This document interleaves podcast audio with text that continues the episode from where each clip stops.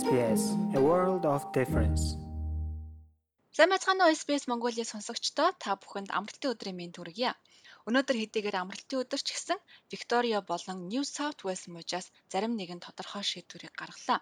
Виктория мужийн хувьд төлөвлөж байснаас өмнө буюу 10 дугаар сарын 22-нд хөл хориг цуцлахаар боллоо. Уг нь 26 нийт бүрэн вакцинжуулалт 70% хүрэхэд локдаунаас гарна гэж байсан ч вакцинжуулалт хурдтай хийгдэж байгаа учраас ийхүү хөл хориг эрт цуцлахаар шийджээ. Өнгөрсөн 24 цагт Виктория мужид нийт 1838 халдвар гарч 7 хүн нас суржээ. Одоогоор 777 хүн эмнэлэг твтэн эмчилүүлж байгаагийн 151 нь эрчим тэмчилгээнд харин 94 нь амьсгалын аппарат хэрэглэж байгаа юм байна. Мужийн сайд өнөө өглөөхөн хэвлэлийн хурал хийж хөл хориог энэ пүрэв гаригийн шөнийн 11 цаг 59 минутаас эхлэн цуцлахаар болсноо аль бие ёсоор зарласан юм а. Тэгвэл ингээд хөл хориог тавьснаар танд ямар эрхүүд нэгдэх вэ гэдгийг одоо хэлье. Өдөрт 10 хүртэлх хүнийг гэртээ урьж айлуудаар мөн зочлох боломжтой. Шөнийн хөл хориог зогсоож байна 15 км-ийн зорчих хязгаарлалтыг цуцлалаа. Бүс нутгийн Виктория болон Мельбурн хотын хооронд зөвхөн зөвшөөрөгдсөн хүмүүс орж гарна. Child Care үйлчилгээнд эцэг эх нь бүрэн вакцина хийлгэсэн айлын хүүхдүүд хамрагдах боломжтой. Шашны цугларалт хурим оршуулга хийж болно. Ингэхдээ гадаа 50 хүртэл дотор 20 хүртэл хүнийг оруулахыг зөвшөөрөх юм а. Ихэнх гадаах үйлчилгээг зөвхөн вакцинд хамрагдсан хүмүүст үйлчилдэг байхаар нээж байна. Жишээлбэл кафе, кино театр, усан сан гэх мэт газарт 50 хүртэлх хүн нээлттэй байна. Харин ресторан, кафе гэх мэт дотоод үйлчилгээ үзүүлдэг газарт вакцин хийлгэсэн 20 хүнийг хамруулан үйлчлэх боломжтой. Томоохон бүтээн байгуулалтын ажил, барилгын салбарт зөвхөн бүрэн вакцинжуулсан ажилчдын хүчин чадлыг оруулан 100% бүрэлдэхүүнээр ажиллаж болно.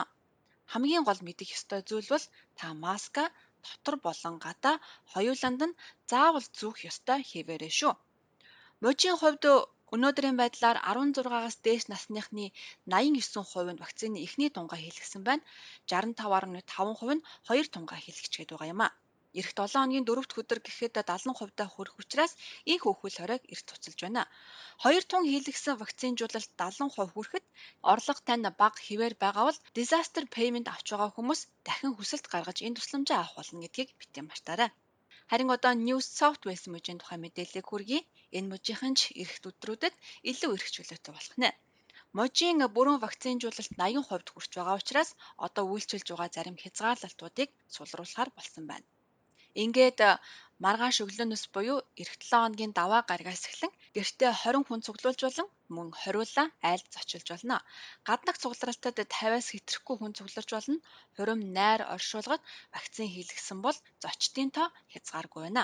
Пабууд онгоо нь зочлох үйлчилгээний газруу дотор болон гаднаа бүжиглэхийг зөвшөөрч байна. Олон нийтийн спортын үйл ажиллагаанууд нэгдэх болно.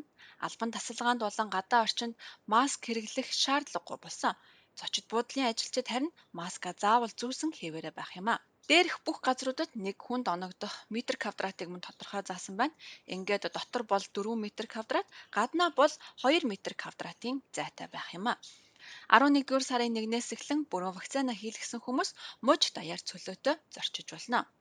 Мужийн сайд сэтгэл зүйн эрүүл мэндийг дэмжих ажилд 130 сая долларын санхүүжилт олгохоор болсон байна. Өнгөрсөн 24 цагт Австрали даяар болсон үйл амьдралын мэдээллийг тоомлон хүргэе. За холбооны засгийн газраас 15 мянган эмчилгээний багжийг авахар болжээ. Мөн ACT мужи 33 шинэ халдвар гарсан байна. Тасманд нэг ч халдвар гараагүй.